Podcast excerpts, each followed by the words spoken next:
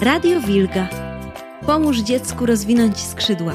Posłuchaj opinii ekspertów, wywiadów z twórcami i podpowiedzi, jak z pomocą książki wspierać rozwój dzieci.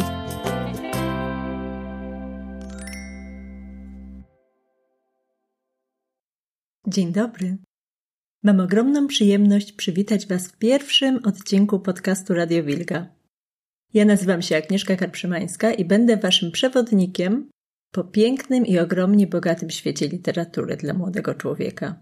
To świat, który rozpieszcza różnorodnością, ale również potrafi przyprawić o niezły zawrót głowy.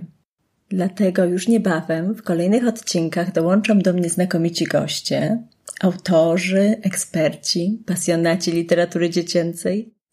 Wspólnie postaramy się zwrócić Waszą uwagę na znakomite tytuły, podzielimy się własnymi refleksjami, zachwytami, ale także odpowiemy na Wasze problemy i wątpliwości.